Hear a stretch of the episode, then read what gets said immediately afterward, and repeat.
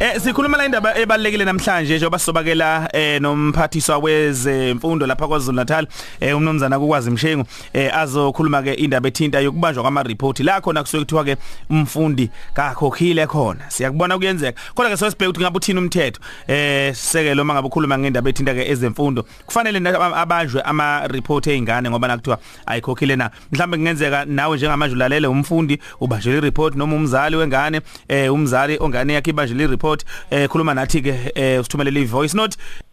Ngibingelele tjatha noma umntana akatholanga ireport esikolweni ngokuba ngabhadara u400 shothi 250 wathiwa ngeke azayithole ngoba akasibhadaranga sonke ischool fees. Kufuneke ngilethele 250 wasala. Yona lento ibhlungu ngoba siswaye ukuthi sisuke singakhokhi ngoba singathandi. Ingoba nakho sisuke siswele. Besafuna uminister asichazisele ukuthi ukubanjwa kwama-report kusemthethweni na? Nanokuthi umthetho wakhona usebenza kuma-private kuma-private school iloba nje usebenza izikole zonke. Mayetha akukho emthethweni sibekwazi nje njengengane ukuthi hayi ke lento ayikho emthethweni ukubanjwa kwama-report wethu kuma-private yazi indaba yokubanjwa kwemiphumela yabafundi kuyinto engekho right. Mina ngenze ugrade 12 2013 ne? Ngabanjelwa isitifiketi sami kwathiwa ngoba nakho angikhokhile. Wasabanjwa ke u2014 leyo saphuma ngawo.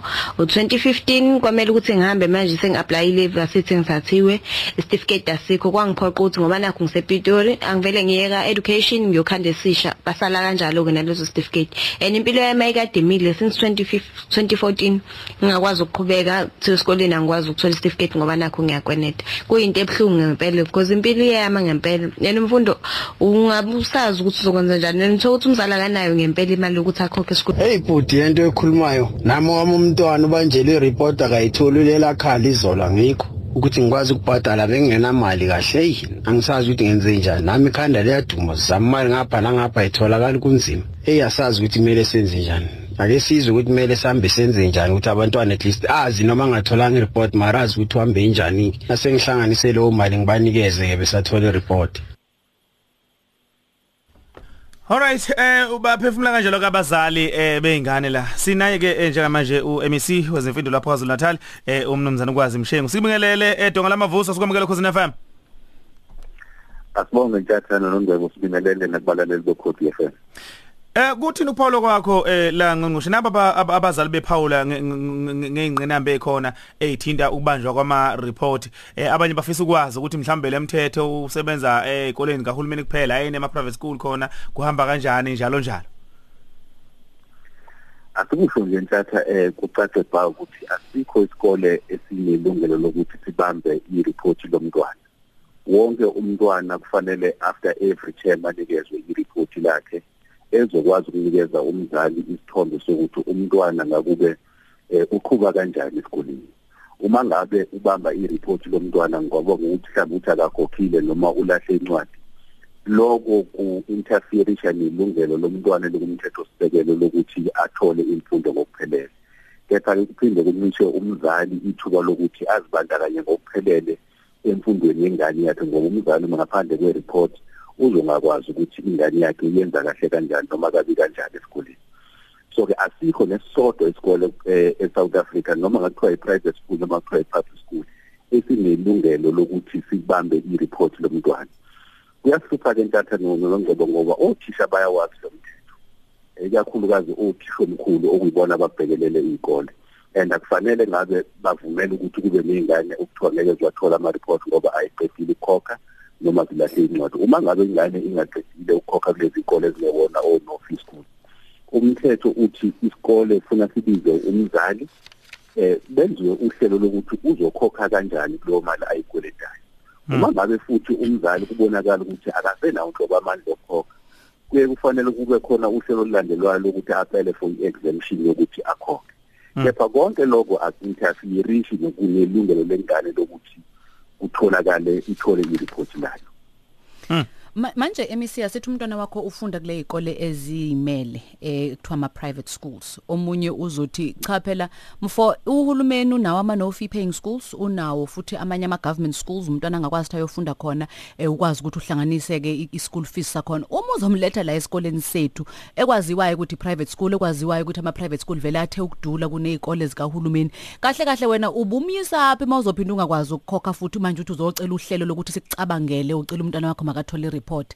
Abese qhamuka umzali athi hayibo ilungelo lami. I- ikuphi okufanele kube yikona ok- ok- ok- ok- okuyinto eh, ekuyiyona eh, ekuzo- ekuzobanjelelwa kuyona ke lapho? Angikusho nokungeba ukuthi nazo lezi izikole ekuthiwa ziyimele eh, ama private schools zingaphansi komthetho osisekelo wezwe. Mm. asikho isikole singaphezulu komthetho osisekelo wezwe. Futhi zona lezi izikole zi- zithola i-recognition eh, from i-department of education Mm. so noma zizimele kepha njengomnyango we-education senalo ijoka lomthetho osisekelo ukuthi sibone ukuthi okwenzakalayo lapho akuphuli ilungelo lengane lokuthi eh, ithole imfundo eh, ngendlela efanele. Kuyenzeka nongeba ukuthi wa- wa- wafa ingane yakho kuleso sikole mhlawumbe usenawo amandla okuthi imkhokhele ngenxa ke yezimo zempilo uthola ukuthi mhlawumbe usulahlekelwa umsebenzi eh noma usakwazi ukuthi u- ukhokhe. Mm. umthetho okushoyo ukuthi isikole funa si- si- si- sihlangane nawe njengomzali nilungise ukuthi uzokhokha kanjani kulesikweletu onaso?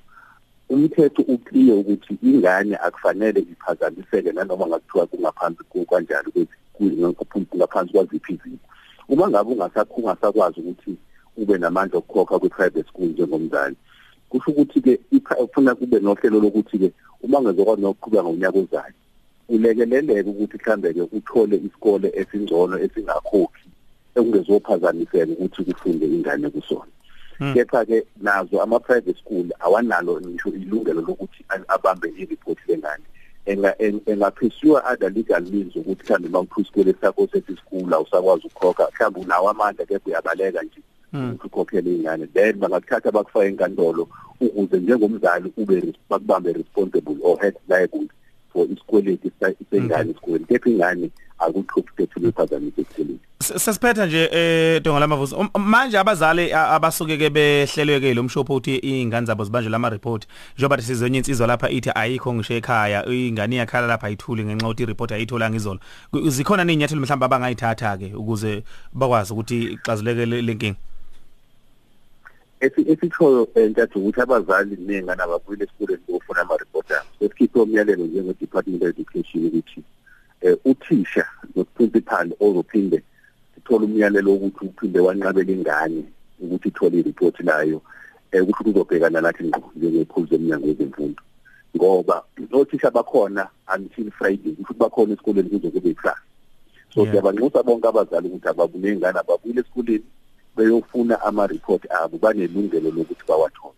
Uma kwenzeka bengawatholi othisha noma othisha omkhulu bese abanqabela abaxhumane namahhovisi ethu um thina-ke ntatha sisebenza nanoma inini bangasifakela ngisho khona la kuma-social media basiripothele nje ukuthi isikole esithile um sinqabele iripoti lomntana wami thina-ke sobe sesingenelela ngokukhulu ukushesha.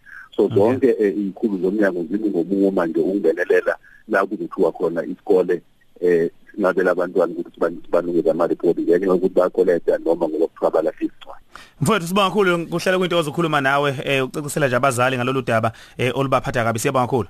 Siyabonga kakhulu ntetha.